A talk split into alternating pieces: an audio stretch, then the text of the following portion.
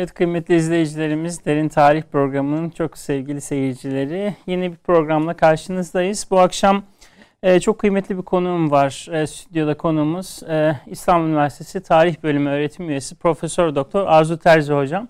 Hocam hoş geldiniz. Teşekkür ederim. E, kıymetli hocamla Osmanlı tarihinden bir hanımefendiyi konuşacağız. E, vakıf hayatıyla, vakıf eserleriyle Bezmi Alem Valide Sultan. Sultan II. Mahmut'un eşi, Abdülmecid'in annesi ve son dört Osmanlı padişahının da babaannesi. Babaannesi. ee, hocam e, öncelikle tekrar hoş geldiniz programımıza davetini daveti kabul ettiğiniz için çok teşekkür ediyorum. Tabii Bezmialem Valide Sultan özellikle İstanbul'da yaşayanlar için e, işte hem Vakıf Kuraba Hastanesi hem Dolmabahçe Camii olarak da bildiğimiz kendisinin yapımına emek verdiği e, işte eser ve diğer şeylerle tanıdık bir figür aslında. Ama ben özellikle sizin bu kitabınızı okuduğumda programa hazırlanırken yani kendisini şöyle ekranda tutarak göstermek istiyorum. Hocamızın Bezmi Alem Valide Sultan'la ilgili e, kendisinin e, biyografi çalışması. E, aslında hiç tanımadığımı fark ettiğimde çok sürprizlerle karşılaştım. Hı. Soruları hazırlarken de o sürprizler e, çerçevesinde sorular seçmeye çalıştım. Şu noktayla başlamak istiyorum hocam. Ee, Osmanlı tarihinde valide sultanlık müessesesi yani ne, ne anlamak lazım? Valide anne biliyoruz ama valide sultan dendiğinde bir özel bir makam ya da bir konum akla geliyor. Evet. Bu konuya başlamak valide istiyorum. Sultan dediğimizde Osmanlı padişahlarının annesine verilen at valide sultan. Ee, bir padişah tahta çıktığı zaman eğer annesi hayatta ise ki bizim padişahlar içerisinde sadece 23 tanesinin annesi hayatta e, tahta çıktıklarında o da valide sultanlık makamına getiriliyor. Ve valide sultan olduktan sonra da hanedanın e, en yüksek kademedeki kadın temsilcisi figürü olarak karşımıza çıkıyor tabii. E, bir yerde padişahın evi, haremin idarecisi, en büyük amiri e, pozisyonu da almış oluyor valide sultan. E, tabii siyasete karışan tarihimizde valide sultanlar var ama genel olarak e, bir şekilde aslında o devlet yönetimine de e, oğluyla birlikte hani onu destekleyerek e, yaşamış olan valide sultanlarımız da var. Ama esas önemli rolü tabii haremin idarecisi e, olarak karşımıza çıkmakta. Evet bahsettiğiniz gibi zaten padişahtan sonra ailede hani yetkili dediğimizde yani evet. bütün özel hayatın idaresi, padişahın bütün işte insanların görmediği yüzündeki bütün hayatı aslında valide sultanların valide sultanla elinde. Valide yakın temas halinde. Evet. E, bir de belki bir kadının yükselebileceği Osmanlı Devleti'nde en yüksek en kademe yüksek, evet. olarak karşımıza çıkıyor. Padişah valide olamayacağına sultanlık. göre valide, e, valide sultan sultanlık oluyor. olarak e, ayrı bir itibar getiriyor tabii e, ki. Hangi tarihten itibaren valide sultanlık e, kurumunu görüyoruz hocam. Hani herhalde aslında, başlangıçta başlangıçtan yok. E, beri e, aslında var. Yok Hı-hı. değil ama 1. Murat'tan itibaren bakıyoruz. Hı-hı. işte Nilüfer Hatun'la e, birlikte. E, Valide Sultan denmiyor. O dönemde daha çok hatun e, kelimesi ha. kullanılıyor ama Kanuni'nin annesi Hafsa Sultan'la birlikte artık sultan kelimesi zaman içinde de Valide Sultan kelimesi haline geliyor. Kurumlaşıyor yani. Kurumlaşıyor evet. ve kurumsallaşıyor, kurumsallaşıyor tabii. Ayrı bir e, e, töreni var mesela padişah tahta çıktığında e, Topkapı Sarayı'nda e, culusundan sonra e, ki iki, gün içerisinde bazen daha önce oluyor bazen daha sonra oluyor ve o biraz da herhalde o günkü e, dönemin getirisine bağlı bir şey. Eski Saray dediğimiz şimdi bizim İstanbul Üniversitesi'nin olduğu yer Eski Saray. E, kadınların e, önceki e, padişahların e, işte haremlerinin, eşlerinin yaşadığı yer. E, oradan valide alayı denilen bir törenle Topkapı Sarayı'na getiriliyor ve a, o artık e, sarayın ve e, Osmanlı Hanedanı'nın en yüksek mevkisine o törenle evet. geçmiş oluyor. Bu bakımdan da hani böyle törenlerin de olması da kurumsallaştığını zaten bize gösteriyor. Evet. Şimdi bu girişi şunun için yaptım. Hani Valide Sultan dendiğinde şimdi birazdan Bezmalem Valide Sultan'ı şahsen konuşacağımızda e, tabii insanların böyle zihni sizin de ifade ettiğiniz gibi işte saray entrikaları ya da genel böyle arka planda bir takım şeyler tabii bunda e, popüler kültürün de etkisi var. İşte tarihi çok kaynaklardan teyit etmeden okumanın da etkisi var ama evet. Bezmi Alem Valide Sultan'ı okurken ben e, çok başka bir e, cephesini de gördüm. Evet. Yani imar eden, eserler bırakan, yapan ve e, bildiğim kadarıyla siz de işaret ediyorsunuz. E, Osmanlı tarihinde en çok vakıf eseri vakıf eseri yapan Valide yapan, Sultan. Valide Ama aynı zamanda da halkının annesi. Sadece evet. padişahın değil de evet. halkının da anası olma vasfını taşıyan. yani halk geleceğim. için e, evet. Evet. e, vakıflar e, kurduğunu görüyoruz. Vakti Hocam e, kendisinin hayat hikayesini de biraz sana böyle kronolojiye dikkat ederek de böyle e, görmek istiyorum. Ee, saray hayatından önce hani kendisinin kökenine dair, e, doğumuna dair, doğum tarihine dair, e, geldiği coğrafyaya dair neler biliyoruz? Kaynaklarda nasıl bilgiler var? genelde o döneme baktığımızda Kafkasya kökenli e, oluyor e, alınan cariyeler, e, saraya getirilen. Bunların bir kısmı özellikle seçilip padişah için ayrıca eğitilenler, eş olarak eğitilenler. Ancak bezmalem çalışmaya başladıktan sonra e, gördüm ki e, çok fazla mektup yazıyor oğluna oğluyla arasında ilişkisine evet, bağlı olarak evet. kitabımızda da ona çok fazla yer verdik evet, o mektuplara. Dolayısıyla yazdığı mektuplarda bazı Tatarca, Kırım Türkçesi kullanıyor. Ee, özel böyle kelimeler kullanıyor. Ee, oradan hareketle Kafkasya'da e, orada bulunan e, Nogaylar, e, o dönemde işte Kırım e, Türkleri içerisinde e, muhtemelen onlardan olabileceği de kuvvetle muhtemel. Ama kesin bu diyemiyoruz. Çünkü saraya alınan cariyelerin hepsi için şu tarihte girdi aslı budur demek e, öyle tutulmuş kayıtlar maalesef elimizde yok. Siz gördüğüm kadarıyla doğum tarihinde 1798 gibi bir tarihe... Ortalama bir tarih evet. e, verdim o da net onu. bir bilgi yok Net galiba. bir bilgi yok. Hı. E, ancak ilk çocuğunu doğum yaptığı tarih 1813. İlk Hı. Veliaht Şehzadesi'nin evet. doğum yaptı. Hani geriye dönük belki en erken olabilecek tarih olarak e, verebiliyoruz. Hani şu tarihte doğmuştur dememiz mümkün değil. Ama daha önceki kaynaklarda işte 1812 veren var. Mümkün değil çünkü 12'de e, zaten ilk çocuğunu dünyaya getiriyor. Hmm, evet. E, dolayısıyla ancak öyle ortalama bir tarih çıkartabiliyoruz biz. Evet. E, bir de tabii o dönemde muhtemelen yazılı kayıtların bahsettiğiniz o geldikleri coğrafyada belki çok iyi tutulmamasında herhalde etkisi var değil mi? E, kadınlar için çok geliyor. fazla bilgi yok. Yani evet. e, harem e, kayıtlarında da böyledir arşivde. Mesela padişah eşlerini biz e, isimlerini çok nadir buluruz e, kayıtlarda. Hmm. İkballeri biraz daha fazla bulabiliyoruz bu 19. yüzyıl kayıtlarında ama padişah eşlerine mesela ben ve Valide Sultan'ı 5. kadın efendi e, işte Valide Sultanlık üstü çizilmiş bir harem defterinde artık valide sultandır diye yazmışlar üzerine. Onu da koydum zaten yayınladım. E, dolayısıyla tamam 5. kadın efendilikten e, valide sultanlığa geçtiğini artık bize en iyi gösteren bir delil olarak karşımıza yani çıkıyor. Yani valide sultan olmasa ismini ee, bilmeyeceğiz belki. E, Sadece... İsimleri biliniyor. Yani münferit e, kayıtlardan özellikle 19. yüzyıl daha şanslı olduğumuz bir ta, e, dönem. E, bazı kayıtlardan o müferit belgelerden çıkartabiliyoruz ya da yazılanlardan Hı. ama öncesi için biraz zor. Hmm. O zaman dolayısıyla kökeniyle ilgili ya da doğum tarihiyle ilgili siz anladığım kadarıyla kıyaslamalardan tahminler, tahminler yapmak suretiyle. Tahminler çıkartaraktan evet. e, ortaya koymaya o çalıştım. O zaman muhtemelen Türk kökenli. Türk e, kökenli. Ve e, muhtemelen de 1798 98, civarında dünyaya evet. gelmiş diyebiliriz. Evet. Kitabınızda da ifade ediyorsunuz. Peki hocam saraya giriş nasıl oluyor? Nasıl bir yetiştirilme tarzı var o dönemde saraya alınan bir cariyenin? Özellikle eğer eş için yetiştiriliyorsa ki Bezmalem'in de e, yani değişik şeyleri var e, acaba işte Sultan Mahmut'un annesi tarafından mı yetiştirildi, kız kardeşi tarafından mı yetiştirildi? Ee, buna dair elimizde belgeler yok. Evet hmm. sonradan yazılanlar var ama neye göre yazılmış doğrusu ben onu dara çok e, şey veremiyorum. Hmm. Kaynak gösterilmediği hmm. zaman. E, dolayısıyla alındıktan sonra eğer padişah için yetiştiriliyorsa e, muhakkak işte okuma yazma çünkü geleceğin veliahtlarının e, evet. ve padişahlarının annesi, evet. e, hanedanın temsilcisi.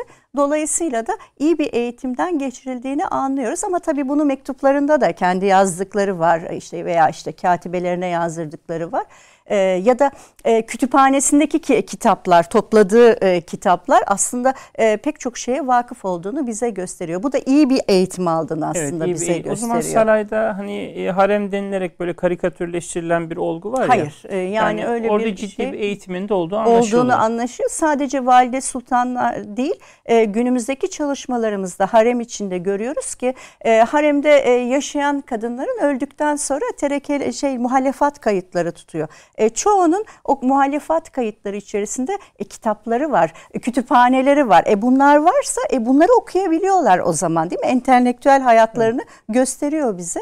Bu da bizim için önemli. Harem aslında bir eğitim, terbiye yeri. Evet. E, Safiye Ünüver demiş ya e, haremde terbiye olamayan hiçbir yerde olamaz diye. yani e, dolayısıyla ayrı bir terbiye evinin hani nasıl Enderun bir terbiye e, evet, yuvasıysa evet. hem devlet adamı yetiştiriyor hem de bir Enderunlu çarşıda yürürken hani yürüyüşünden bile evet. e, onun e, o Enderunlu olduğu anlaşılıyor o özel saray terbiyesiyle. Bunun tam e, karşısında biz haremdeki kadınları görebiliyoruz. O zaman Bezmi Alem Valide Sultan çok iyi bir terbiyeyle yetiştirilerek hı hı. aslında gelecekteki misyonuna hazırlanmış Hazırlanıyor. oluyor. Hazırlanıyor. İsmini alıyor. Bezmi Alem diyor. Alemin Meclisi e, şeklinde. Evet. Daha o dönemde ismi alınıyor. E, eski ee, ismi konusunda bir şey var mı? Hayır kayıt yok. Herhangi bir kayıtlar yok. Hiç kimsenin eski ismi hakkında evet. herhangi bir kayıt yok. Yani Bezmi Alem bir... o zaman ona Osmanlı Sarayı'na girdikten sonra girdikten verilen sonra bir verilen bir ad. Genelde Farsça isimler veriliyor evet. E, saraya alınan hanımlara. Dolayısıyla Dolayısıyla ondan sonra alınan bir isim ondan ve sonra... ikballeri içerisine giriyor Sultan Mahmud'un. Sultan II. Mahmud'un tam buraya gelecektim. Şimdi e, Sultan II. Mahmud'un eşi olarak kendisi nasıl bir rolü var? Yani o noktada Bezmi Alem Valide Sultan olmaya gidişte hani aslında şanslı bir yolu var. Çünkü e, Sultan Mahmut tahta çıktıktan sonra işte kardeşinin de e, ölmesiyle birlikte bakıyoruz hanedanda devam ettirecek erkek çocuk mevcut değil. Evet. Dolayısıyla e, mesela Bezmalem'in ikballi dönemine bakıyoruz. Evet Sultan Mahmut'un e, diğer eşlerinden var. E, Murat ve Beyazıt isimli iki e, evladı var ama erken yaşta vefat ediyorlar. Dolayısıyla hanedanda hani veliaht beklentisi olan bir hanedanda e, Bezmalem ilk çocuğunu dünyaya getiriyor ki e, ilk çocuğunun adı da e, Sultan Mahmut'un e, babasının ismi olan e, Abdülhamit Abdülhamid. ismi veriliyor. Veliaht Şehzade. Kendisi İkbal ama bir bakıyorsunuz Veliaht Şehzade annesi. Yani haremdeki o hiyerarşik yapıda ki haremde önemli bir hiyerarşik yapı vardır. Orada birdenbire e, veliaht annesi statüsüne geçiyor ve bu e, şeye kadar valide sultanlığa kadar hep veliaht annesi. Hmm. Çünkü çocuk ölümleri bir de e, Sultan II. Mahmut o yönden şanssız. Epey bir evladını yani 20'nin üstünde evladını kaybediyor. Kendi e, sağlığında. Kendi sağlığında. E, hanedanın devamı evet. gerekli. E, dolayısıyla da e, evet veliaht annesi o ilk çocuğunu Abdülhamit'i dünyaya getiriyor. O 13 yıl yaşıyor hı hı. Abdülhamit. Nakşidil Valide Sultan dönemde Valide evet, Sultan evet. hayatta. 13 ee, yıl yaşadıktan sonra da çiçek hastalığı hareme geliyor. Ee, Sultan Mahmut hem veliaht şehzadesini kaybediyor ve o hafta içinde iki de kız çocuğunu kaybediyor. Yani üç evladını içinde. toprağa veriyor çiçek hastalığından ötürü. O e, şeyin tabii ki Bezmalem'in bir kaybı. İlk evet. evladını kaybediyor. Evet. Şey geleceğim hocam şimdi sıradaki sorum da onunla ilgili. Siz kitabınıza da örnek veriyorsunuz. Kendisinin e, hayır yapması ya da işte programdan önce de atıf yaptınız onu da soracağım e, çocuklarını işte çiçek hastalığından kaybettiği için e, çocuklara çiçek e, tedavisi Aşısı. aşısı ile ilgili bir hayır süreci. Üçler Çeşmesi mi ismi? Evet. E, üç tane evladını kaybettiği üç evladını için kaybediyor. Daha misiniz? kadın evet. efendilik döneminde işte şeyden sonra Abdülhamit'ten sonra iki çocuğu daha dünyaya geliyor. Biri Ahmet, diğeri de Mehmet. Biri 6 aya yakın bir süre yaşıyor, diğeri 2 ay gibi kısa bir sürede vefat ediyor. Dolayısıyla üç çocuğunu toprağa veriyor. Dördüncü evla, evladı padişah olacak Abdülmecit. Abdülmecit evet. Dolayısıyla da o üç e, çocuğunun e, yani üç kere e, bir anne için e, hakikaten e, zor bir süreç. Evet. Üç evladına toprağa vermek. Nitekim daha valide sultan olur olmaz e, Sultan Ahmet de e, şimdi Üçler Sokağı diye geçer. Çeşme maalesef yerinde değil ama hmm. e, orada Üçler Çeşmesi'ni yaptırır ki mesela Ziver Paşa güzel bir tarih de düşmüştür o Üçler Çeşmesi için. Üç ayrı yerden e, üç evladının ruhuna e, su akıp e, akmakta ve oradan içenlerin de işte Fatiha okumaları bu çocuklar için. Çünkü çeşme önemli Osmanlı tabii, döneminde. Tabii. Kadınlar en fazla çeşme vakıf olarak yaptırıyor. E, dolayısıyla e, belki diğer oğluna aşırı düşkünlüğü Abdülmecit'e. E, ve e, bu çocukların kaybetmenin acısı aynı zamanda da Vakıf Gureba Hastanesi şimdinin Bezmalem Üniversitesi hı hı. olan yer.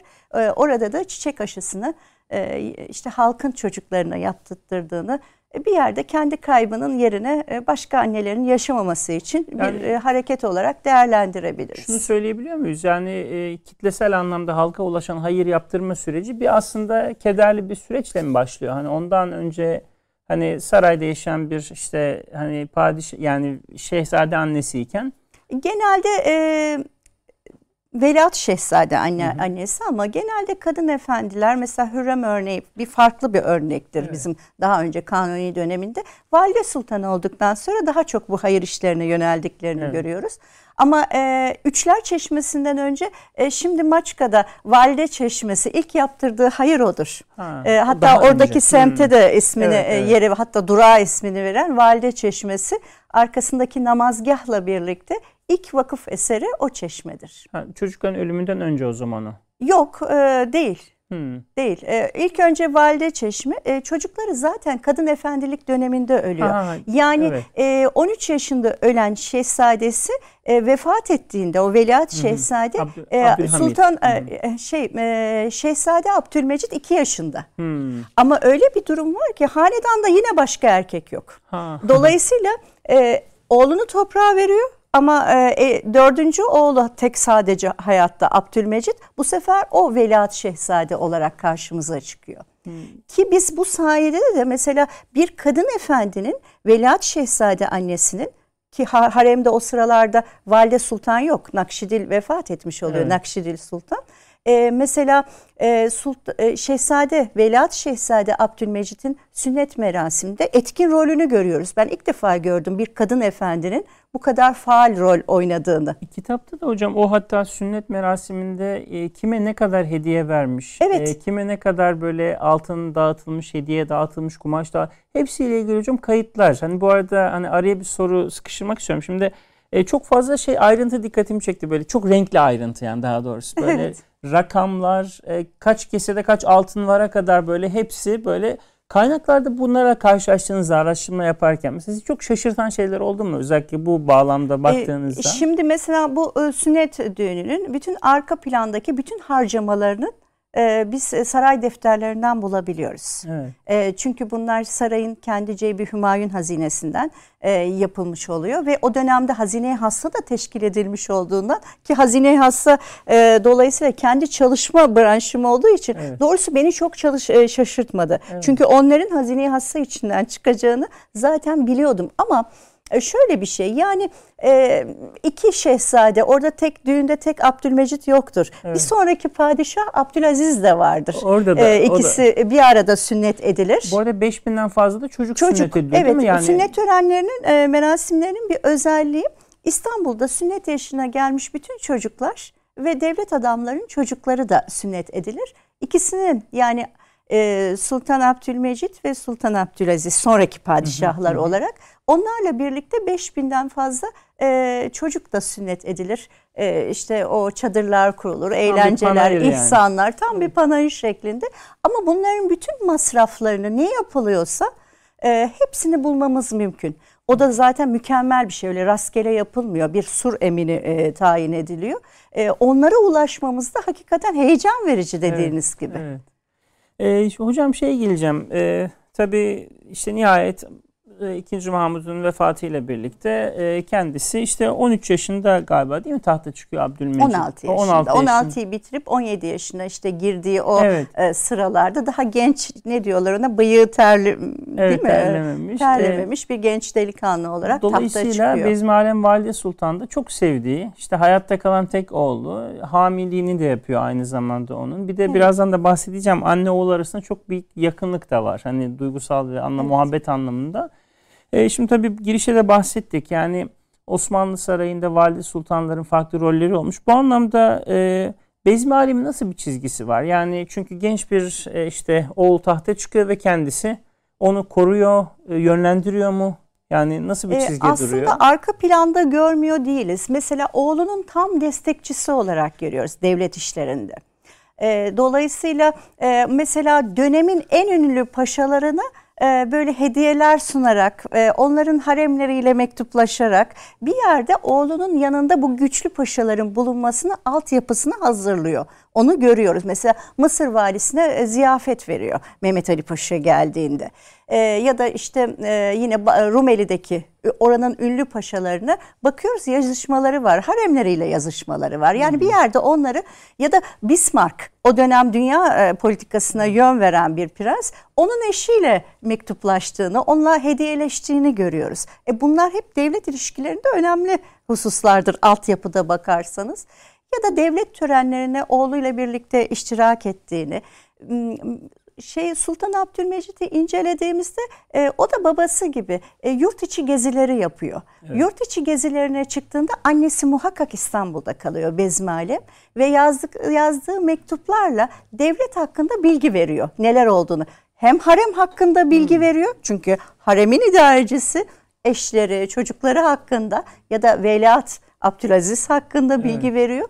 Hem de devlet hangi paşalar geldi, işler nasıl onlarla da ilgili böyle ufak ufak mesajlar verdiğini görüyoruz. Yani sürekli Dolayısıyla olarak, destekleyicisi. Evet ama aynı zamanda da e, bir nevi denetleyici gibi diyebilir miyiz? E, yani e, şeyde rolü... haremde padişahın evinde evet. aslında işte Cevdet Paşa'nın da e, yazdığı gibi vefatından sonra harem deki kadınların harcamalarının çok yükseldiğini, bir yerde onların harcamalarını da bastırdığını e, Bezmi Alem'in hani o idare tarzıyla birlikte evet. e, bize Cevdet Paşa yazıyor zaten bunları.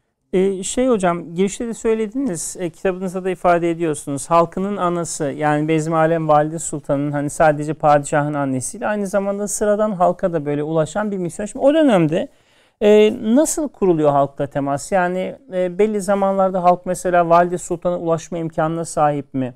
Ya da hangi ee, yollarla temas kuruluyor? Temas yollarının en başında aslında biz bunu padişahlara temas olarak çok sık Osmanlı tarihinde evet. görüyoruz. Mesela padişahlar cuma selamlığına giderken ya da bir binişe giderken halk yanaşıp e, kendisine ya da padişahın yanında bulunan bir görevliye dileklerini, ihtiyaçlarını, isteklerini yazıp verebilir. Buna e, halk hükümdar münasebeti diyoruz biz. Hı hı. Aynı şekilde Bezmi de bir şekilde işte Sultan Mahmut türbesine, eşinin türbesine çok gider mesela. O gidiş gelişlerinde ya da Eyüp Sultan ziyaretlerinde ya da oturduğu mekan değiştirdiğinde işte Beşiktaş Sahil Sarayı'ndan Çırağan'a gidişlerde veya e, e, efendim Küplüce'deki yerine gidişlerde halkın kendisine e, çok sayıda bunun binlerce örneği var arşivde e, dilekçe verdiğini görüyoruz. Şimdi buradan tabii e, kendisinin bunlara cevap verdiği algısı olmasın. Hı hı. Tabii ki karar padişahın ama bunların bir an evvel sonuçlanması. Ya da e, eğer devletten ziyade kendisinin yapabileceği yardımlarsa işte evlenemeyen kızlardan tutun da e, ihtiyaç sahiplerine kadar değişik e, örnekleri var.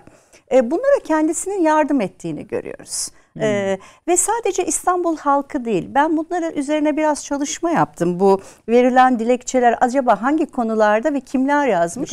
Memleketin her yerinden Müslüman gayrimüslim hangi e, dine mensup olursa olsun o devlet ana modelini işte oradan çıkartıyoruz. E, şikayetlerini sunabildiklerini görüyoruz ve bu şikayetlerin neredeyse üçte birden fazlası da kadınlar, kadınların hamisi hı hı. E, olarak karşımıza e, çıkmakta. Peki o dönemde hocam bu şikayetlerin takibi için nasıl bir şey var? Mesela sundunuz bir valide sultana şikayetinizi. Hı. Devamında eğer bunu valide sultan hani yapmayacaksa yani onun kendi gelirleriyle halledebileceği bir yardım değilse daha farklı bir e, durum varsa bir atama bir sıkıntı padişahın huzuruna gitmesi gerekiyorsa o zaman bunlar hemen sadarete gönderiliyor. Orada özetleri çıkartılıyor. E, yapılması gereken işlemler e, ortaya konuyor. E, son karar padişaha sunuluyor. Maruzat, e, rikab-ı maruzuye dediğimiz belge cinsleri onlar. Özetler yazılıyor bu dilekçelerin Hı. özetleri. Üstüne padişah hattı hümayunuyla gerekeni yazıyor, gereken emri veriyor.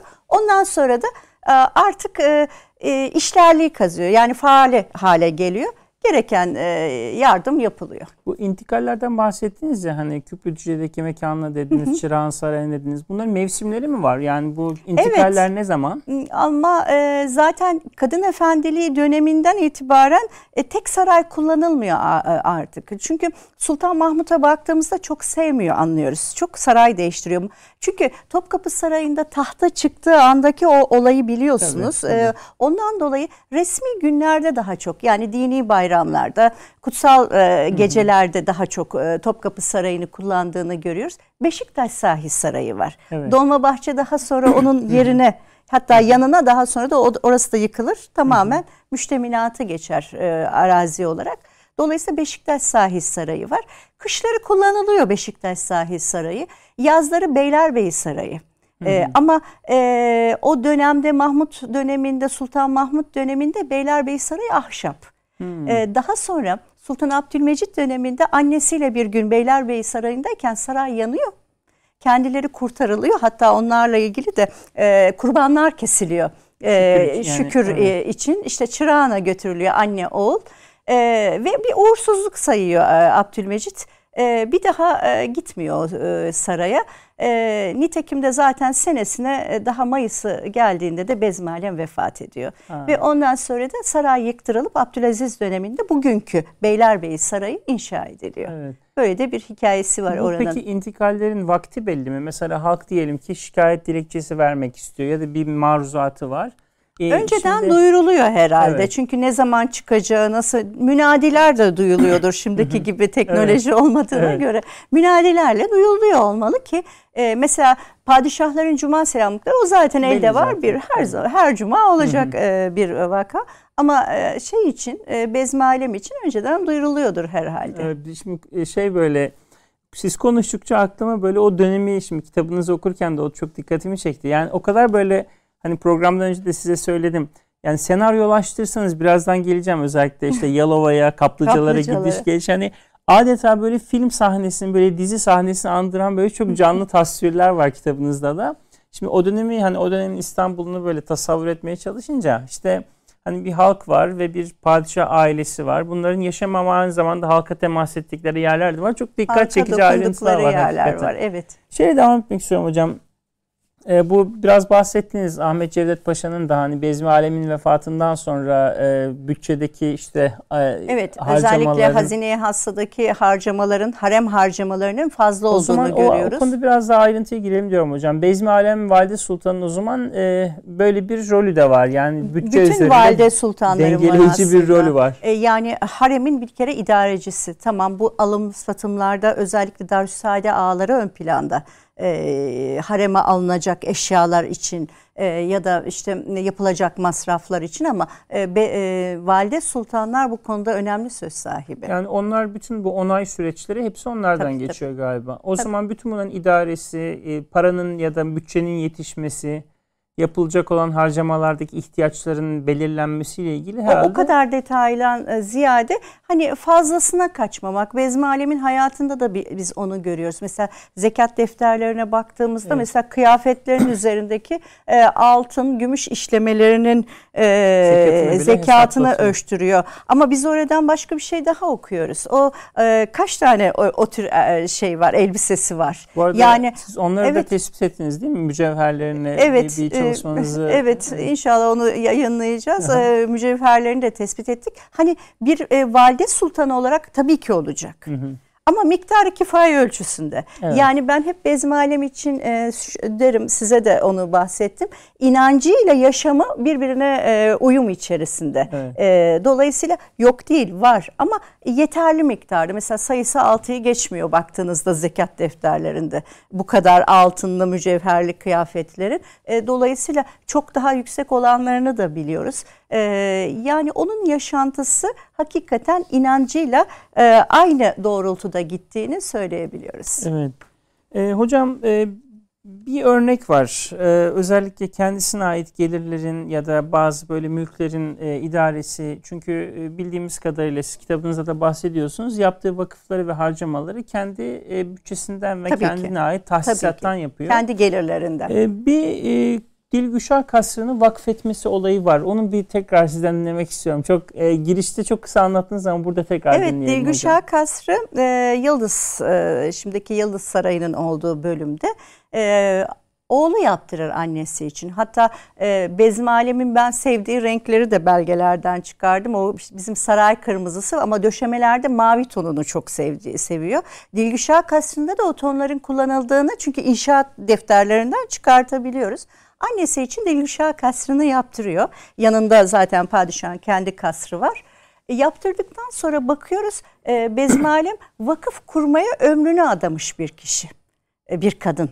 E, dolayısıyla da vakfediyor Dilgüşah Kasrı'nı. Kendi oturduğu e, kasrı. Tabii tabii. E, yayınladığımız o vakfiyelerden e, bir tanesi ki o 14 evet. vakfiyedir. Evet bu arada vakfiyelerle ilgili şu girişteki özellikle görseli e, mutlaka göstermem lazım. Çünkü Bezmi Alem Vakıf Üniversitesi'nde kıymetli hocamın e, eseri olarak yayınlandı. Bezmi Alem Valide Sultan'ın vakfiyeleri. Şimdi girişteki şu güzellik hakikaten şöyle gösterelim. Evet. Yani burada vakfiyesinin şu özeni hakikaten şöyle bakıldığı zaman hem görsel olarak hem böyle nakış olarak, işleme olarak. Burada ikinci bir sayfamız daha var. Onu da görelim. şu girişteki. Şöyle. Hakikaten pırıl pırıl. Bu arada çok güzel bir şekilde de basılmış. Çok güzel basıldı. Yani Bezmi Alem Vakıf Üniversitesi İSKA projesiyle evet, orada epey bir şey Yani Bezmi Alem'in vakfiyeleri şey de yani evet. müstakil kitap olarak meraklı izleyicilerimiz için bunda salık vermiş olalım. Buyurun hocam. E, Dilgişah Kasrı işte 14 vakfiyesi vardır. Toplam vakfiyelerinin sayfası 500 sayfaya gelir. Dilgüşah Kasrı da vakfiyelerin bir tanesine vakfeder. Vakıf şartlarını da görüyoruz. Verdiği kirayı da görüyoruz. Vakfettiği için kendi kiracı e, durumuna düşüyor. Kendisi kiracı durumuna düşer ve e, baktığımızda nerelere gidiyor gidiyor bu vakıf muhasebe kayıtlarından bu para? Mekke ve Medine'deki e, fakirlerin aynı zamandaki İstanbul'daki fakirlerin ihtiyaçlarını karşılamaya gidiyor. Yani oğlunun kendisi için yaptırdığı bir kasrı e, vakıf ederek o vakıf yerde oturarak e, bir yerde o, onun parasına da yine e, ihtiyaç sahiplerine dayatacak kadar vakıf ruhuna sahip bir kadın kimliğiyle karşı karşıya evet, kalıyoruz. Hakikaten o hani bana çok çarpıcı geldi siz o örneği verdikten sonra hani kendisi orayı vakfedip orada kiracı durumuna gelip evet, daha sonra tabii daimi oturmuyor. Çünkü tabii. bu tür kasırlar belirli dönemlerde hava değişikliği için gidilen yerlerdir. Küplüce'deki çiftliği de öyledir. Ee, şeyin Bezmalem Valide Sultan'ın oğluyla birlikte de oğlunun ikamet ettiği saraylarda da tabii ki oturuyor. Hocam Bezmani Valide Sultan yine kitabınızda çok dikkatimi çeken bir e, nokta e, etrafındaki kadro. Yani çünkü kendisinin sarrafı var. E, Tabii. işte kendisinin işte belki şimdi nasıl ifade edelim onu hani şirketin yöneticisi gibi bütün her şeyini böyle idare eden bir işte ağası bir görevlisi var. Valide ketüdası var. Evet etrafında kendisi. hanımlar var, hizmetkarları hı hı. var falan. Şimdi e, böyle baktığımızda etrafındaki insanlar hakkında neler söylersiniz? Çünkü bu konuda da eminim çok zengin bir literatür var. evet, e, belgeler aslında konuşuyor bize e, oralarda da. Mesela e, bu kadar çok e, vakıf yapabiliyorsa e, vakıf kurarken e, bir hayır vakfı kuruyorsunuz. İşte biraz sonra belki gireceğiz evet, ona evet, işte evet. hastanesinden tutun da çeşmelerine kadar. Ama o vakıfları kuruyorsanız muhakkak gelir getiren vakıflar da e, araziler, gelir getiren mallar alıp işletmelisiniz ki onları da vakfederek onların gelirleri kurmuş olduğunuz hayır eserlerini Yaşatsın. asırlar boyunca halka ücretsiz hizmet versin. Vakfın esası budur. Tabii. Yani biri olmadan diğerinin olması mümkün değil. Tabii bunun için de e, çok iyi maliyeden anlayacak idareciler lazım. Evet. Bakıyoruz Bezmalem Valide Sultan'ın e, ketüdası e, padişah oğlu tarafından seçiliyor.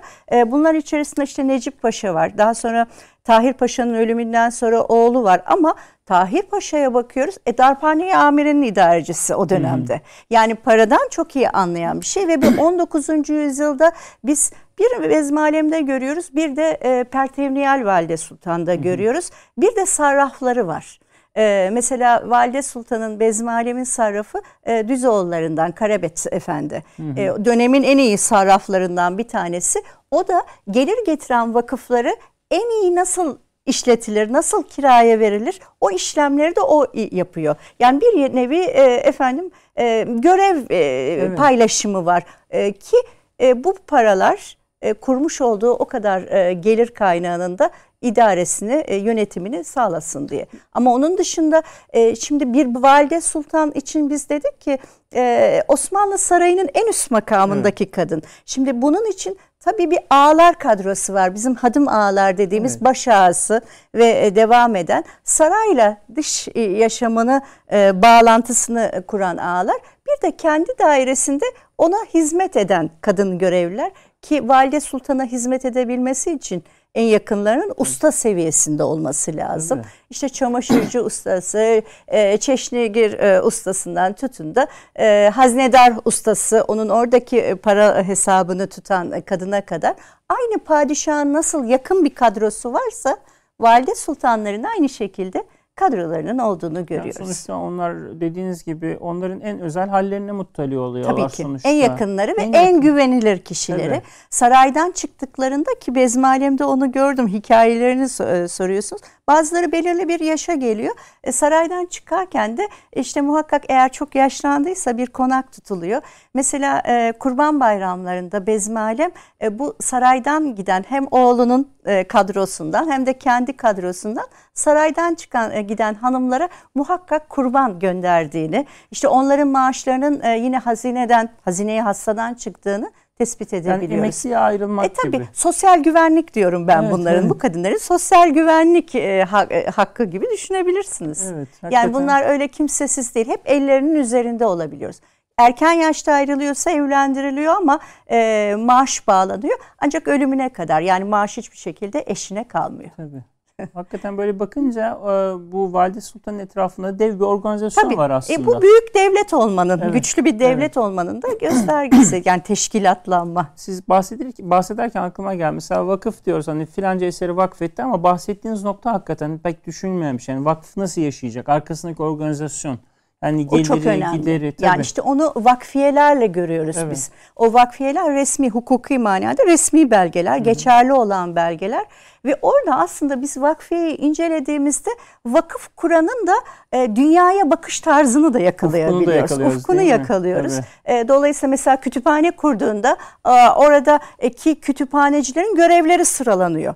Ama sadece kurduğu yerdeki okul işte Darül Marif için değil haftada iki gün dışarıdan gelen ilim mensuplarına da hizmet verecek ayrı kütüphaneci tahsis ettiriyor. Bu mesela, Şimdi bu bir evet. kütüphaneci ruhu. Yani evet. bilinci tabii tek başına değil etrafındakilerin de o zaman bilgili olduğunu, bu işlere yatkın olduğunu gösteriyor. Evet. Evet ama tabii önlerini açmasa etrafındakilerin valide tabii sultan. Ki. Yani ya yine, emir vermese hiçbir şekilde yapılması evet, yine mümkün valide değil. Yine valide sultanın ufkuna geliyoruz Uf, yani. Dolayısıyla tabii.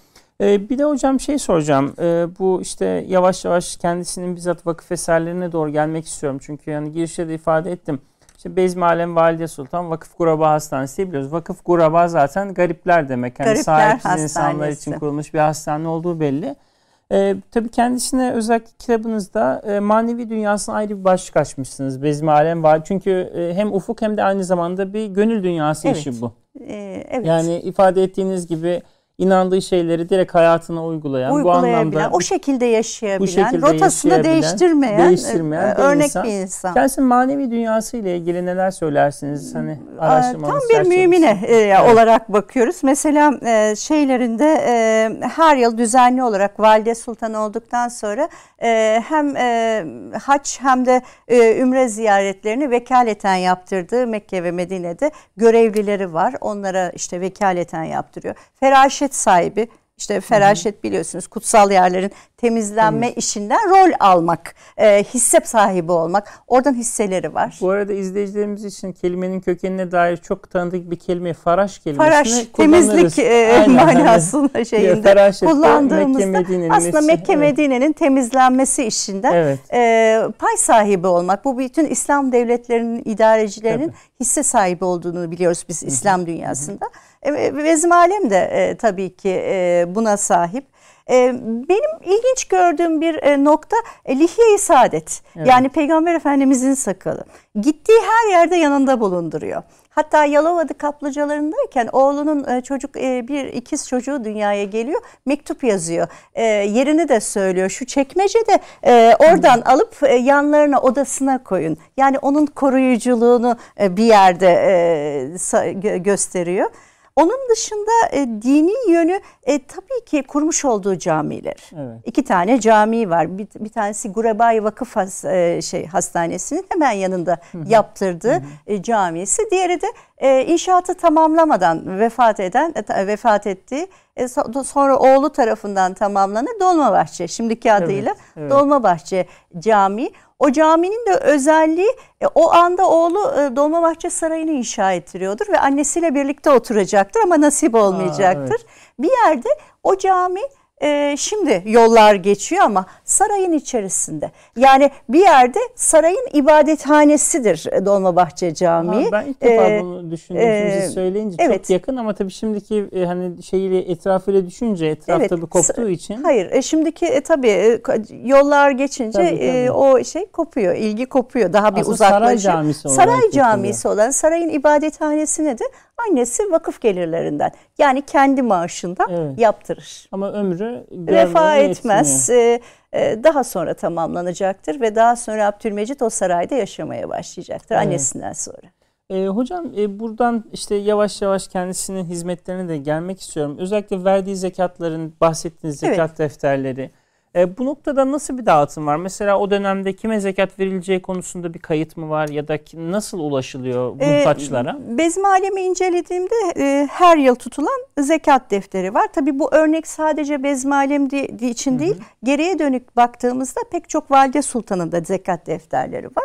Ama e, bezmi alemindeki ayrıntılar çok ilginç. Çünkü Gurebay Müslim'in hastanesini yaptırır. Kendisine hastanenin iki büyük bir küçük anahtarı hediye edilir. Anahtarlar gümüştür. Zekat defterinde o anahtarların da e, zekatını çıkartır. Yani bu kadar hassas bir şekilde o kadar. zekatını tabii e, kendi dairesinde işte en yakın yardımcıları dışında e, 70'in üzerinde de cariye var yetiştirdiği evet. kendi eliyle. Onların zekatına kadar. Bütün o kasırlarda kendisine ait özel eşyaları çıkartabiliyoruz. Kendi eşyalarını. Evet onların zekatlarını tespit ettiriyor. Nereye gidiyor bu zekat parası diye baktığımızda İstanbul'daki e, 155 tane o dönemde faal medrese var. Ee, ki bunların dereceleri işte ortaokuldan yüksek öğrenimine kadar farklı derecelerde. Bunlarda e, efendim e, okuyan e, 2000'in üzerindeki talebeye. E, talebeye zekat parası bir nevi burs gibi evet. dağıtılıyor 3 aylarda. Evet şimdi onu soracaktım. İlim e, taliplerini. Bir arada evet, e, evet. yani o yaşantısıyla inancı evet. e, bir arada yani e, özellikle medrese talebelerine burs vermesi, Sıbyan mekteplerine her zaman yardımda bulunması onlar aynı zamanda eğitim yapanlara da ya da ilim adamlarına bu huzur dersleri vasıtasıyla evet, evet. E, özellikle Padişah İhsan'da bulunuyor huzur derslerinde. O Ramazan ayında yapılan evet, tefsir evet. dersleridir. Hı hı. Ama bakıyoruz e, şeyde aynı padişah oğlu kadar ihsanda bulunuyor. Kendi hatta bütçesinden. Kendi tabii. bütçesinden. Hatta vefatından sonra da onu kesmiyor oğlu. Annesinin ruhu için annesinin verdiğini de vermeye devam ediyor. Evet. Annesinin vakıf gelirlerinden. E, bunlar tabii önemli göstergeler. Yani ilim tabii. adamını korumak, kollamak. Evet. E, kaldı ki bir ilim adamının bence en önemli e, malı kitaplarıdır. Evet. E, öyle bir e, örnek var. Boşnak Hoca denir. E, e, o hocanın e, vasiyetinde öldükten sonra kütüphanesinin Bezmalem'in kurduğu kütüphaneye kalması. Yani bir yerde de hani onun ne kadar ilmi evet. düşkün olduğunu bir göstergesini karşı cepheden alıyoruz biz bu çok, sefer. Hakikaten çok ilginç. Genelde tersine alışıyoruz hani bu örneğin böyle. Hani evet büyük bir kütüphane kurulu bir hanımefendi gider ona bir bağış yapar. Burada çok ilginç. Evet hakikaten. onun vesikalarını bulduğumda heyecanlanmıştım. Sonra e, Bezmi Alem'in kitap külliyatı e, yazma eserler e, Beyazıt Devlet Kütüphanesi'ndedir. O kitaplar içerisinde de Boşnak e, hocanın kitapları onun kütüphane kaydıyla çıkıyor. Bezmalem Kütüphanesi'nin içerisinde. Evet. Hani biz bazen belgeyi görürüz ama hani acaba gerçekleşmiş midir düşüncesi vardır. E böyle de bir kayıt görünce evet gerçekleşmiş diyebiliyoruz. Evet. E, hocam şey şimdi e, kendisinin eserlerini sayacak olursak e, tabii e, çeşmeler dediniz hani bu evet. önemli. Bunlar İki tabii, cami e, var. Gurebai Müslim'in hastanesi evet. ki Osmanlı tarihinde ilk açılan Gureba Hastanesi'dir ve yani Batı tarzı ücretsiz. yapılan ilk evet. hastanedir. Hı hı. Ee, daha önce bu işlere dar şifalar bakıyordu. Evet. Ama dar şifaların artık gelir kaynakları kesildiğinden dolayı bir de Evkaf Hümayun Nezareti kurulur.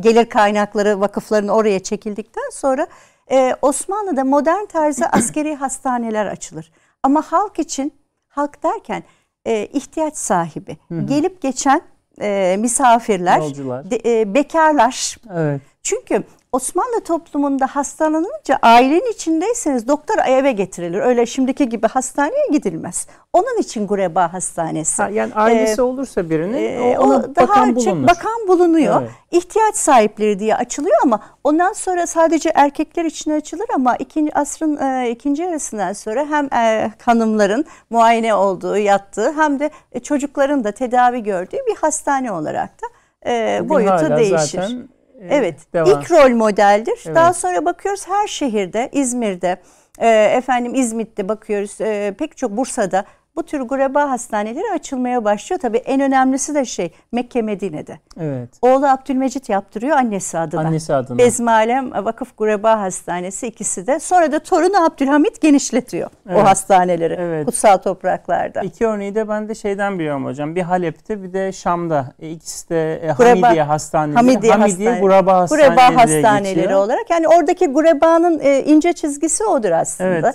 evet. Bir de salgınlarda kullanılıyor tabii. Hmm, yani Çünkü kitlesel... e, tabii tabii ki e, salgınlarda özellikle kullanılan hastaneler olarak karşımıza çıkıyor.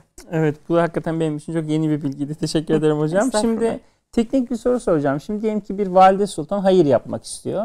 İşte Bezmi Alem Valide Sultan diyelim ki elinde bütçe var bir şey yapmak istiyor. O süreç nasıl işliyor? Hani etrafındaki insanları çağırıyor Mesela şuraya işte ne yapalım? Valdeket hüdası gibi mesela. Yani yakın kadrosunu. Işte, yakın Hı-hı. kadrosunu.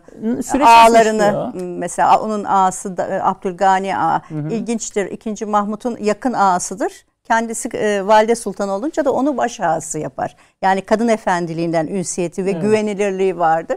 Şimdi bu ağlarla birlikte e, resmi vakfiye dediğimiz resmi belgeyi düzenletmek zorunda. Tabii. O vakfiyede de hangi hayır eseri yapacaksanız e, bunun e, ne şekilde kullanılacağı önce bir, bir kere yapılması için tabii ki padişahtan hı hı, onay alınması gerekiyor. gerekiyor. E, onunla ilgili ferman çıkıyor. Ardından da inşaat başlıyor. E, ama inşaat tamamlandıktan sonra faaliyete geçmesi için muhakkak vakfiyesinin düzenlenmesi lazım.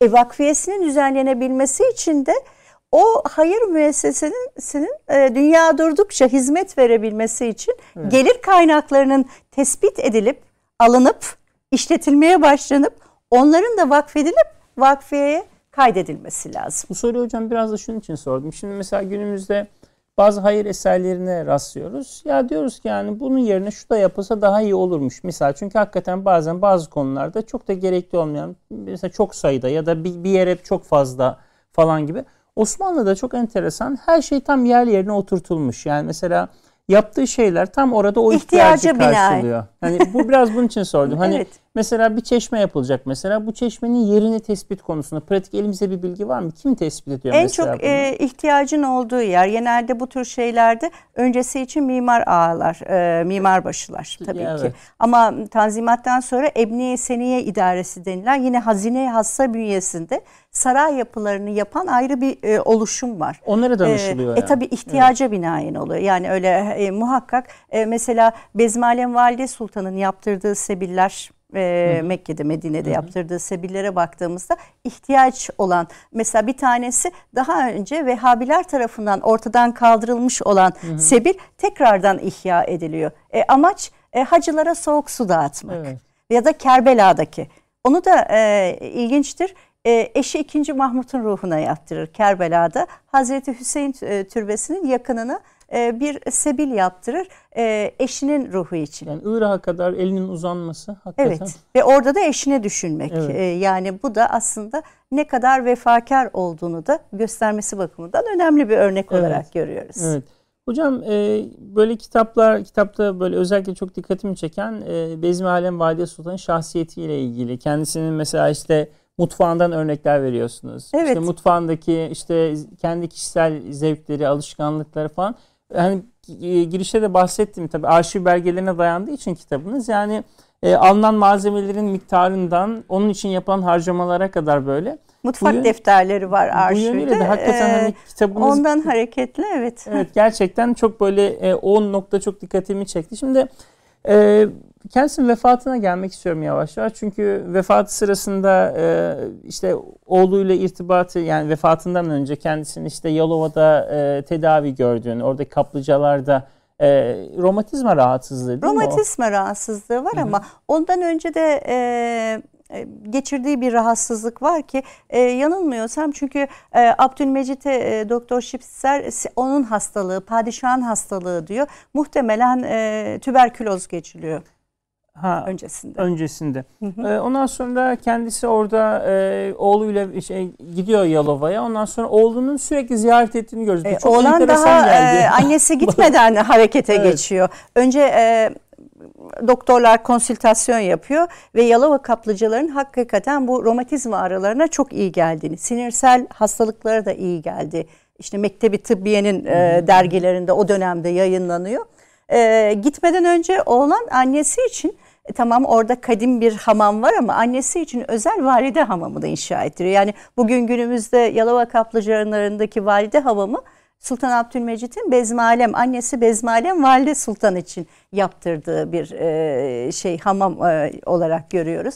Annesinin kalacağı köşkü inşa ettiriyor. Ondan sonra annesini gönderiyor. Yani da, altyapı hazırlıklarını evet, sonra yapıyor. Da annesini ziyaret ediyor. Orada evet, e, yaklaşık 25 günlük bir tedavi kaplıcalarda padişah e, bir kere annesine özel bir vapur hazırlatıyor, gönderiyor. Evet. E, birbirleriyle sürekli mektuplaşılıyorlar. Mektupları e, elimizde evet. var, kitabımızda evet. var.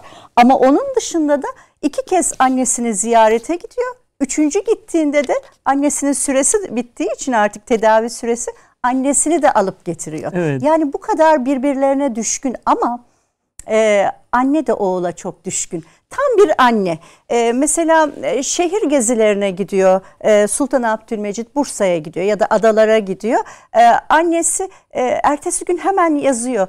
Ee, senin için e, şekerli sevdiğim poğaçayı yaptırdım. Senin demiyor da sizin diyor evet. tabii o saray ağzıyla. Ee, acaba ulaştı mı seversiniz bilirim diye. Yani tipik anne. Biri padişah biri valide sultan ama bırakın siz onları. E, anne oğul ilişkisi o şimdiki gibi ya da e, rüzgar size vurar vurur aman güvertede durmayın efendim diye yazıyor. Bildiğimiz anne tavsiyesi. E, ama o anne zaten. evet. Yani özel yaşantısında da oğluna çok düşkün, oğlu da ona çok düşkün. Hocam bir mektup aktarıyorsunuz. Onu müsaadeniz olursa Tabii ki, bir buyurunuz kısmını efendim. okumak istiyorum. Tabii ki. Ee, işte Yolova'ya vardığı zaman e, yolculuğu sağ salim bittiğine dair bir mektup yazıyor. Ve mektupta çok ilginç bir cümlesi var. Allah Zülcelal rahatınızı bozmasın. Sayenizde görmediğim rağbeti görüyorum. Yani bütün halkın kendisine gösterdiği teveccühü oğluna bağlayan bir üslupla. Sonra e, kendisinin ifadesi çok ilginç. Benim Nurum efendim Eylülük haberini isterim oğluna. Burası uzaktır, merakta kalırım. Yani Yalova hani İstanbul Yalova. O Ama kadar. şimdi öyle. Tabii tabii. O zaman için tabii daha e, Ama şey. gene de hani çok böyle bakıldığı zaman aslında hani ya bu bu dediğiniz gibi çok böyle bir bağlılık işareti. O anne oğul bağlılığı. Cümlede şöyle mektupta şöyle bitiyor. Benim güzelim. Hani oğluna evet. padişah oğluna bir anne şefkati. Şimdi e, hakikaten çok dikkat çekici. Özellikle bu e, tedavi sürecini ve e, Abdülmecid'in sürekli olarak annesini kollaması, birini göndermesi, mektuplaşmalarını falan okurken ve nihayet kendisi e, 53 yaşında mı vefat ediyor? Yaklaşık eğer 98 şeyini Hı. hani yaklaşık tarihi şey yaparsak 52 53 yaşlarında 1853 2 Mayıs'ta vefat e, bir ediyor. Bir şey var hocam kitabınızda yaptığınız bir alıntı var. Halkın ne kadar üzüldüğüyle ilgili İstanbul halkın bir yabancının bir gözlemi var. Evet. Orada da kitabınızda aktarıyorsunuz. Cenaze alayı diyor Sir e, Adolphus Slade diye bir Adolf yabancının e, cenaze alayı ile ilgili bir şey var, izlenimi var. Diyor ki cenaze alayı yer yer asker konulmuş sokaklardan geçerken birçok kadın hıçkırıklarla ağlamaktaydılar bezmi alem için. Doğu kadınları için istedikleri vakit gülmek ve istediklerince ağlamak kolay bir işse de bu da ilginç bir tespit Bugün dökülen yaşların yürekten geldiği anlaşılıyordu. Çünkü kadın cinsi o gün büyük bir müdafiyi, fakirler ise şefkatli bir dostu kaybetmişlerdi. Yani Bezmi en çok da böyle. medrese talebeleri ve Sıbyan Mektebi çocukları e, ilahilerle Valide Sultan'ı kabrine kadar iştirak ettiklerini evet, yazıyor. hatırlatalım e, divan yolunda e, evet. Sultan II. Abdülhamid'in de e, medfun bulunduğu türbenin içerisinde. içerisinde. Hocam e, şimdi süremiz de giderek azalıyor. Böyle hakikaten hiç bitmesini istemediğim bir sohbet oldu. Çok teşekkür ederim. Farklı dünyalar yani çok da düşünmediğimiz, bilmediğimiz çok farklı kapılar açtık. E, şimdi şeyi soracağım biraz hani sizin e, niçin Bezmi Valide Sultan'ı e, hani çalışmaya başladığınızla ilgili bir soru. Nereden başladı? Hani e, bir meslektaşım e, Valide Sultanlarla ilgili bir e, hazırlık yapılıyormuş. Bana e, siz de Bezmi Valide Sultan'ı yazar mısınız? Ama işte bir 10 sayfa e, bir şey tutacak ama bir şey yok. Yani genelde bir yarım paragraflık bir bilgi var bugünümüze kadar. İşin içine girdim. E, baktım ki o 10 sayfalık bir hayat değil. E, hakikaten bir kitaplık hatta iki kitaplık evet, evet, bir gerçekten... malzeme. Oradan yola çıktım. O gün bugündür de bezmalem evet çok farklı konular çalışıyorum hali hazırda ama e, muhakkak elime bezmalem Valide Sultan'la ilgili bir şey çıkarsa da değerlendiriyorum. Çünkü özel bir kadın. Evet. Ee, ve e, hakikaten o rol model e, devlet anadı olarak rol model e, bir kadın olarak karşımıza çıkıyor ve beni cezbediyor doğrusu bu Sizin, hale. E, hani anladığım kadarıyla etkilendiğiniz yönü de e, hani herhalde kendisinin tutarlı, e, mütevazi, evet, mütevazi hani, yaşantısı, dengeli, hayat. dengeli hayatı. Hı hı ee, ama işin, için içinde musiki de var o hayatın içerisinde. Ee, yani her şeyiyle o tutarlı musiki hayat. Musiki deyince Yalova'ya tedaviye gittiğinde kendisini eğlendirmesi için bir evet. musiki grubu da gönderiliyor. Evet. Evet evet İzmit e, şey kuayesi tarafından gönderiliyor. Çünkü onun ayrı bir müzik sevki de var. Evet. Onun için bestelenmiş Donizetti Paşa'nın e, bir bestesi var. E, Bezmalemi öven bir bestesi. O büyük kitap içerisinde e, yayınlamıştık o hı hı. beste de. O da e, Bezmalem Vakıf Üniversitesi tarafından çıkartıldı. Kitabı da göstermek ee, istiyorum bu arada hocam izleyicilerimize. Bu da Bezmalem söylediğiniz gibi Vakıf, Vakıf Üniversitesi'nin Bezmalem Valide Sultan. Hocamızın hakikaten şöyle e, tam da arşivlik bir kitabı. E, bunu şöyle gösterelim. E, vakfiyeleri de aynı şekilde Bezmi Alem Valide Sultan'ın vakfiyeleri şeklinde şöyle yine Bezmi Alem Vakıf Üniversitesi tarafından e, hazırlandı. Kitabın ben görsel e, içeriğindeki o hani hakikaten tonlara da bayıldım. Gerçekten böyle. Hani şekiller, e, bütün o hani Bezmi Alem Valide Sultan hakkında hiçbir şey bilmesek bile sadece oradaki vakfiyedeki özen bile hakikaten çok şey söylüyor. E, ve nihayet e, hocamızın e, gerçekten böyle dedim ya roman tadında böyle senaryo tadında çok canlı bir şekilde anlattı. Çok dikkat çekici. Özellikle tarihin böyle ayrıntılarına dikkat kesilmeyi sevenler için çok keyifli bir kitap hocam. Hakikaten bu kitap e, programı hazırlanırken de böyle hem çok fazla şey öğretti bana hem de e, kitaptaki ayrıntıları böyle e, okurken e, hani sizin araştırma yaparken böyle ne kadar e, ince kazdığınızı böyle hani arşivdeki araştırmaları gördüm. Teşekkür e, ederim son olarak şey sorayım hocam. E, Bezmi Alem Valide Sultan'la ilgili bir çalışma daha var galiba değil mi? Onun e, takıları, mücevherleri. Evet. Bir Aslında o, tespit ettiğinizi söylediniz evet, galiba. Daha önce e, yazmış olduğum o saray mücevher iktidar e, şeyi aslında yine beni Bezmi Alem'e bir yerde evet. götürdü. E, dolayısıyla da nasip olursa da onlar o da kısa bir zaman sonra yayınlanacak. Hocam çok teşekkür ediyorum. Hakikaten çok keyifli bir sohbetti. Çok yani, ben teşekkür e, ederim çok davetiniz gibi, için. Ben hem e, programa e, hazırlık sırasında hem de şimdi program sırasında gerçekten çok fazla şey öğrendim. Eminim izleyicilerimiz için de e, çok keyifli olmuştur. Hocam çok teşekkür ederim. Davetimizi kırmadığınız, katıldığınız, vakit ayırdığınız için.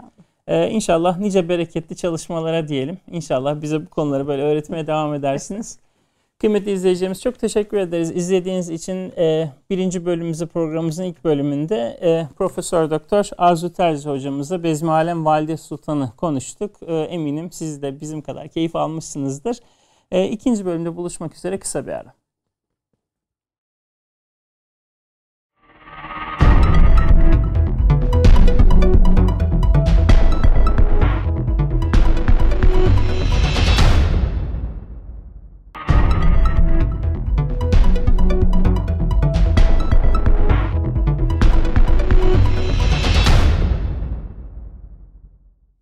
Evet kıymetli izleyicilerimiz programımızın ikinci bölümüyle karşınızdayız. Her hafta olduğu gibi e, programımızın ikinci bölümünde tarihte bu hafta öne çıkarmak istediğimiz olaylardan seçtiğimiz 5 tane başlığı önce sizinle paylaşacağım. E, birinci başlığımız 20 e, Aralık 1951 tarihinde Körfez'de Basra Körfezi'nde Umman Sultanlığı'nın İngiltere'den bağımsızlığını kazanması 20 Aralık 1951 ama haritada da görüyorsunuz Basra Körfezi'nde Basra Körfezi'nin ağzını kontrol etsin diye harita öyle bir oluşturulmuştur ki Umman bağımsızlığına kavuşurken 1951'de. Normal şartlarda Birleşik Arap Emirlikleri o coğrafyada Basra Körfezi'nin kuzey güney ucunu kontrol etmesi gerekirken küçücük bir kara parçası bir yarımada Umman sınırlarına dahil edilmek suretiyle e, Basra Körfezi'nin çıkışını kuzeyde İran'ın, güneyde de Umman'ın kontrol etmesi sağlanmıştır. 1951'deki bağımsızlıktan itibaren Umman Sultanlığı günümüzde hala İngiltere'nin e, Orta Doğu'daki en sıkı ilişkide bulunduğu ülkelerden bir tanesidir. Hatta belki de birincisidir. E, dolayısıyla 1951'deki bağımsızlık aslında sadece kağıt üzerinde kalmış denilebilir. Günümüzde e, İngiltere'nin İslam dünyası içerisinde en stratejik e, kararları birlikte aldığı ve uyguladığı ülkelerin başında Umman'ın geldiği söylenebilir. İkinci başlığımız e, biraz daha yakın bir tarihten.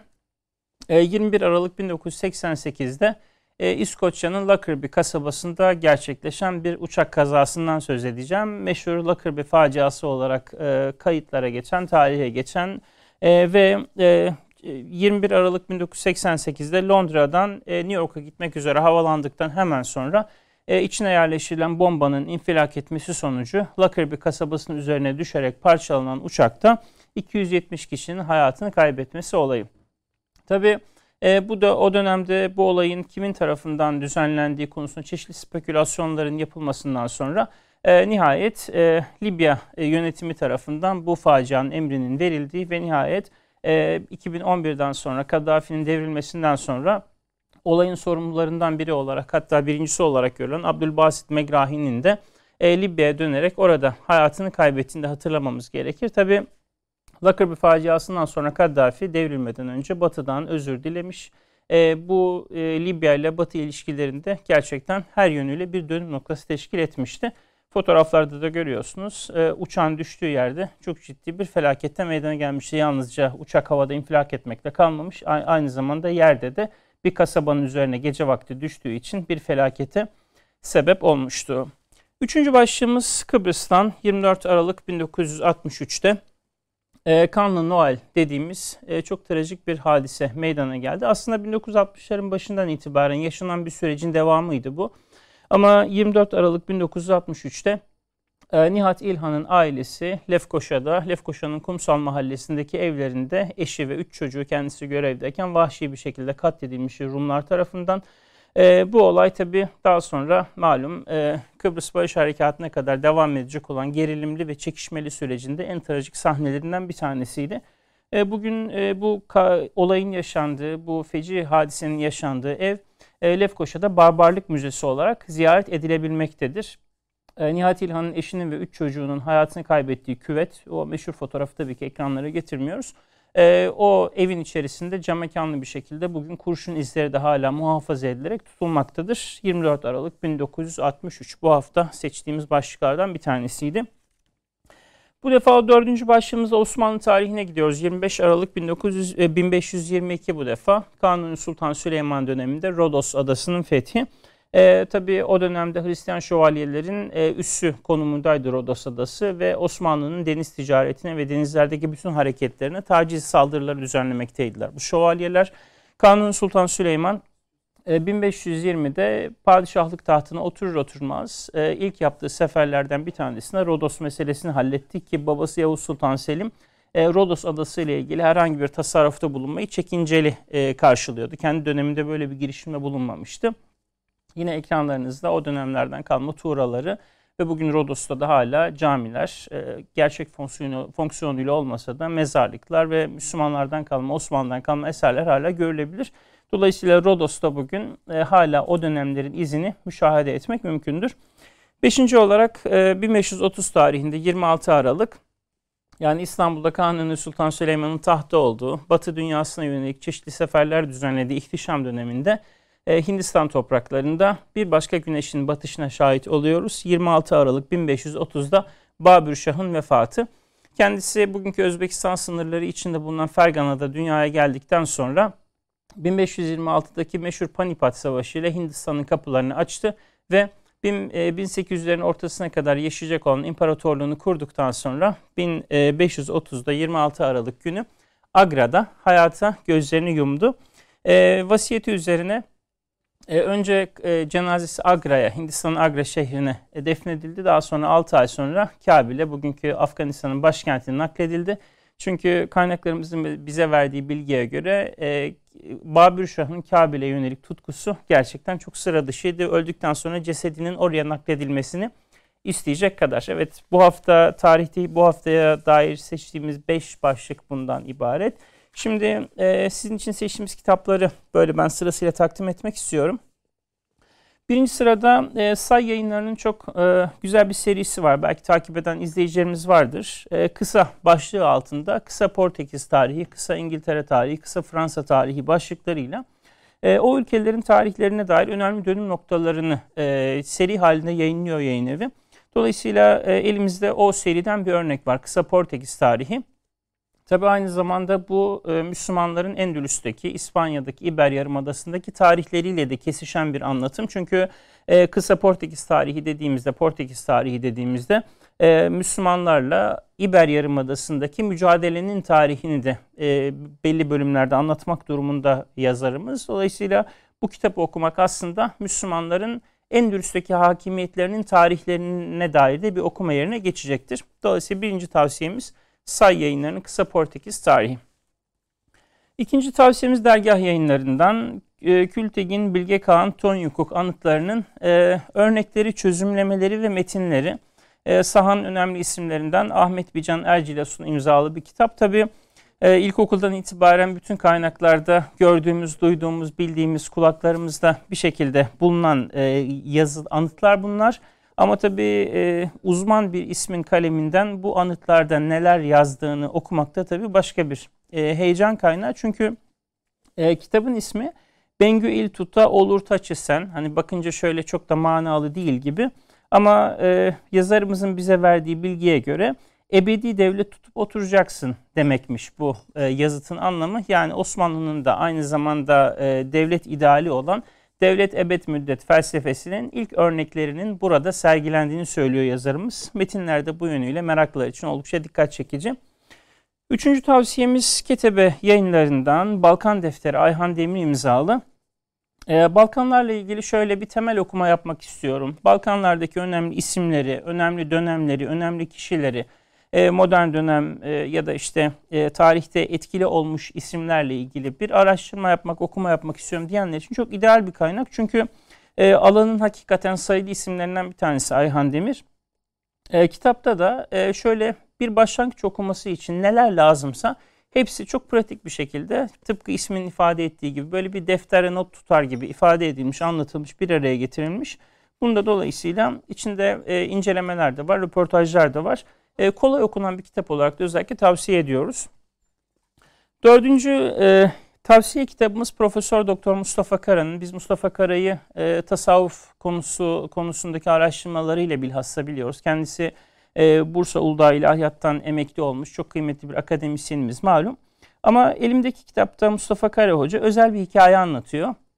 Annem, babam ve oğlum yani babası Kutus Hoca'yı, annesini ve e, engelli olarak dünyaya gelip e, daha sonra küçük yaşta vefat eden oğlunun hikayesini anlatıyor. E, özellikle Mustafa Kara Hoca'nın gönül dünyasına dair, kendisinin aile hayatına, anne babasıyla ilişkilerine ki burada çok dikkat çekici, çok güzel fotoğraflar ve hatıralar da var. E, Birçok yönden böyle hakikaten duygulanarak okunacak bir eser. E, hem e, aile tarihi açısından örnek hem bir hocanın gönül dünyasını anlama açısından örnek hem bir şehir tarihi hem Rize hem bir taraftan Bursa ile ilgili çok güzel anekdotlar var. Bunu da bir e, farklı bir tür olarak tavsiye ederim. Ve nihayet bugünkü beşinci tavsiyemiz Ordinarius Profesör Doktor Süheyl Ünver imzalı İstanbul Risaleleri. Rahmetli Kadir Topbaş'ın İstanbul Büyükşehir Belediyesi Başkanı olduğu dönemde basılmış. Toplam beş kitaptan oluşan risaleler. Malum Süheyl Ünver Hoca e, özellikle kültürümüzün ayrıntılarına dair gerçekten e, dikkat çekici, e, kimsenin belki de e, önem vermediği ayrıntıları kayda geçiren bir insandı. E, İstanbul Risalelerinde de İstanbul'la ilgili e, hakikaten gözden uzak kalan, unutulan ya da unutulma tehlikesi altında bulunan ilginç başlıklar var. İstanbul meraklılarına da bunu tavsiye etmiş olalım. Evet kıymetli izleyicilerimiz Derin Tarih programının bugünkü bölümünün de sonuna geldik. E, haftaya inşallah dikkatinizi çekeceğini umduğumuz konu ve konuklarla tekrar görüşmek üzere. E, iyi hafta sonları, e, iyi haftalar dileyerek görüşmek üzere. Teşekkür ederiz.